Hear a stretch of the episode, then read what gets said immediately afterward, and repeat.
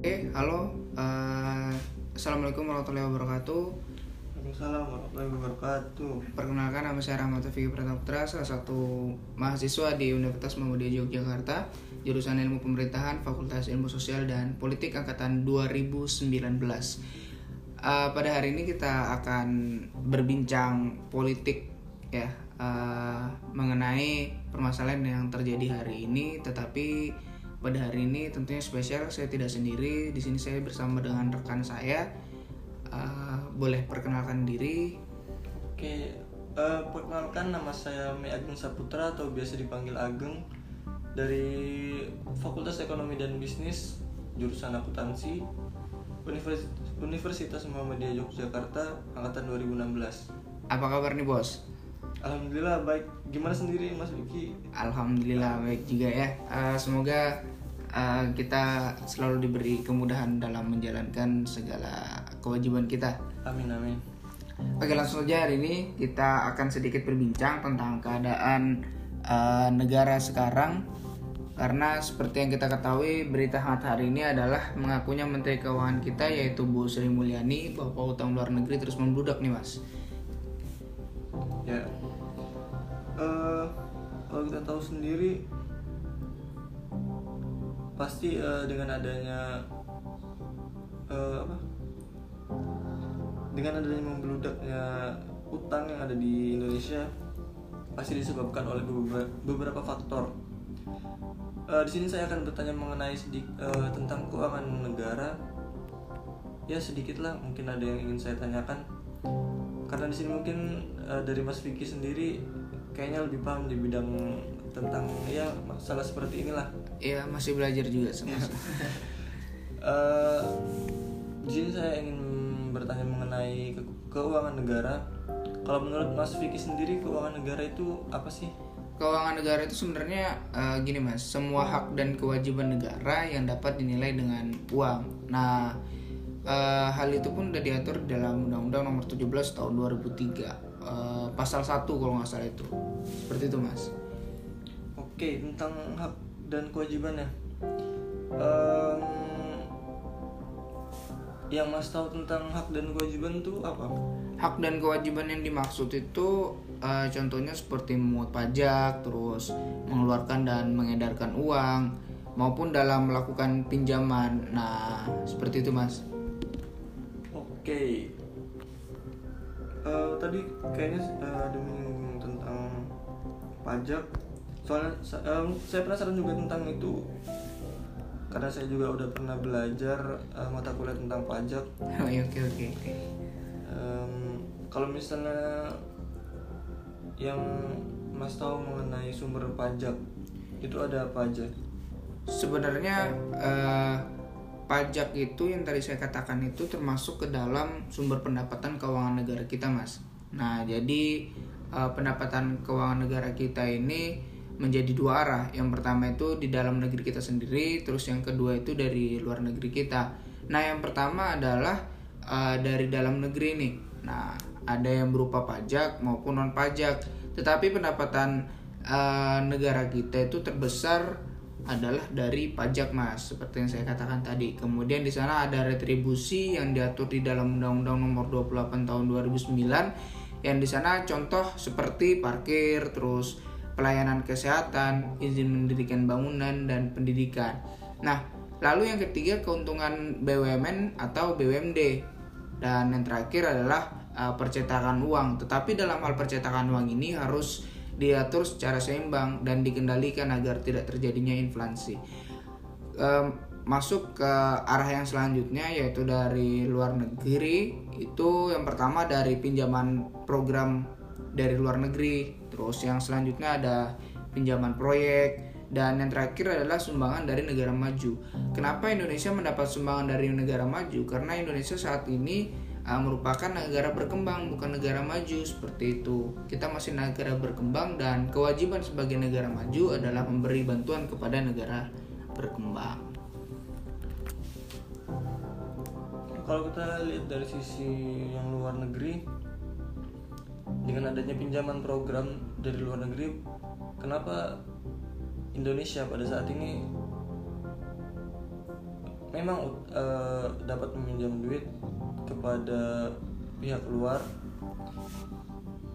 Tapi ketika kita lihat dengan adanya pinjaman tersebut ekonomi negara bukannya semakin membaik malah hingga saat ini banyak sekali korupsi merajalela. Betul betul. Uh, kriminal juga kemiskinan pun juga meningkat. Bukannya semakin baik justru malah semakin buruk untuk Indonesia. Bahkan utangnya sangat banyak sekali uh, seperti yang anda tahu utang yang begitu banyak. Bahkan mungkin untuk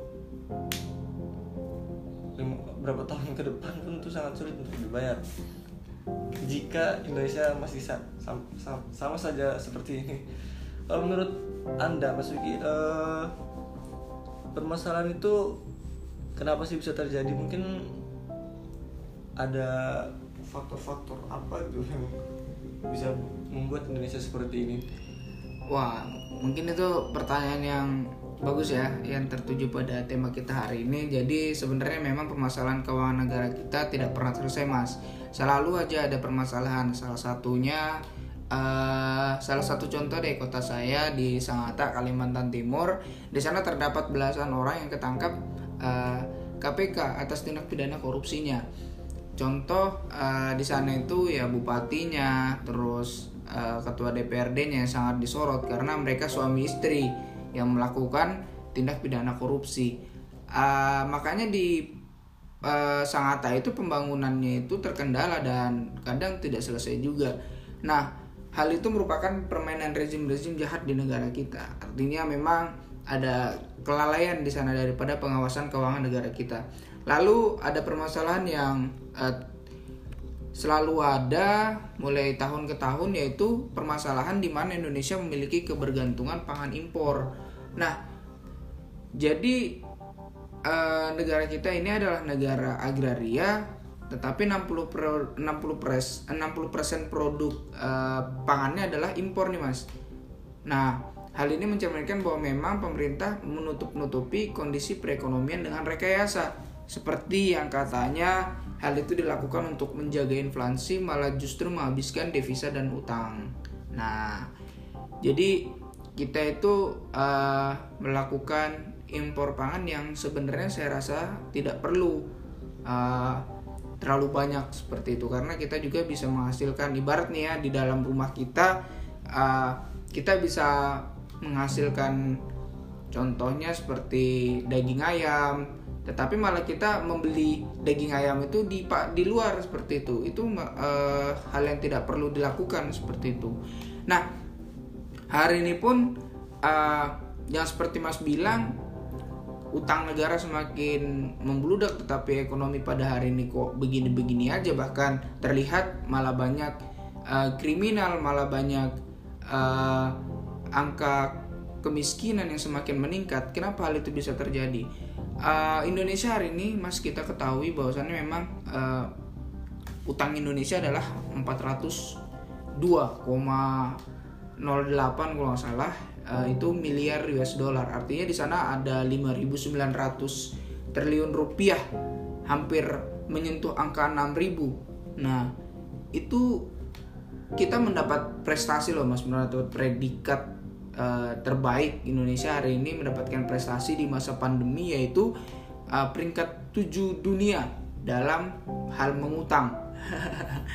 jadi kita ada prestasi nih Mas dalam hal mengutang.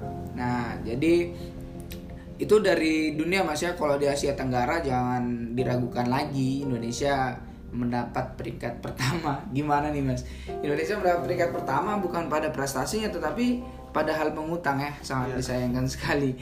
Nah uh, apakah itu yang dikatakan pemerintah selalu benar ya kan? Kemarin sempat pasti dengar tuh di satu siaran di mana salah satu uh, pemerintah mengatakan bahwa yang kalau memang kami pemerintah ngomong hoax ya hoax seperti itu.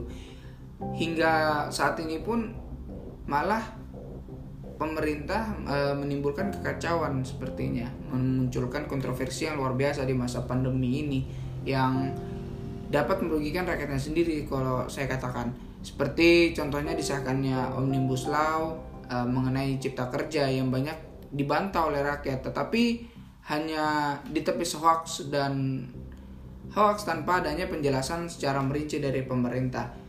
Nah, di situ perlu dipertanyakan apakah demokrasi hari ini masih uh, berlaku? Karena banyaknya teman-teman dari mahasiswa yang ditangkap, banyaknya aktivis aktivis-aktivis yang lalu ditangkap dan dilempari, dipukuli maupun uh, saat aksi hanya apa namanya menjadi bahan caci caci makian karena difitnah uh, melakukan hal-hal yang tidak benar. Mungkin itu saja sih mas uh, yang bisa saya jelaskan karena pagi ini saya harus ada kuliah online ya. Gimana kalau misalnya kita uh, berbincang-bincang politik singkatnya lagi uh, di lain waktu? Uh, baik. Ya ya mungkin uh, ya udah mungkin karena waktu juga ya. Itu saja juga sih yang ingin saya tahu terlebih dahulu. Ya terima kasih udah mau berbincang-bincang kecil dan semoga bermanfaat. Karena kan sama-sama belajar iya benar mas. Terima kasih juga udah menyempatkan waktunya untuk uh, bertanya-tanya lah kepada saya walaupun memang saya hari ini masih juga belajar. Uh, terima kasih teman-teman juga yang mau mendengarkan podcast pada hari ini dan menyempatkan waktunya. Dan satu pesan saya buat kalian semua buat kita semua buat saya juga uh, sebentar lagi Indonesia akan ada pemilu. Uh, saya mengingatkan kepada teman-teman untuk memilih pemimpin yang baik dan benar. Pemimpin yang memiliki integritas dan memiliki intelektualitas.